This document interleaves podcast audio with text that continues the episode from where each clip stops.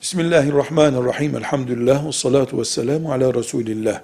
Hadis-i şerifler Resulullah sallallahu aleyhi ve sellem Efendimizin sözleridir.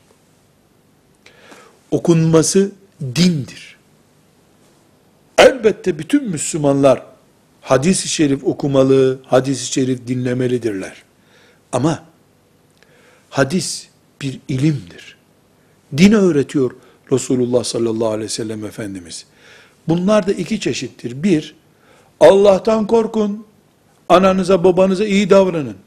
Allah'tan korkun, çocuklarınıza adil davranın diyen sözler vardır. Bunları hangi Müslüman dinlese, hangi Müslüman öğrense, anaya babaya itaat etmenin önemini anlamış olur. Çocuklara iyi davranmanın önemini anlamış olur ahlakı tavsiye eden hadisten ahlak çıkarmış olur.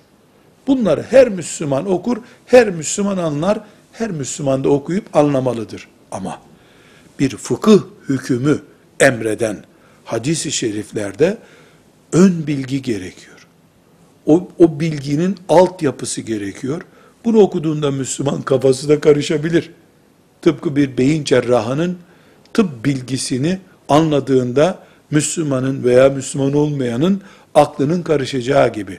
Dolayısıyla bir Riyazu Salihindeki ahlak hadislerini her Müslüman okur, okumalıdır, anlar, anlamalıdır.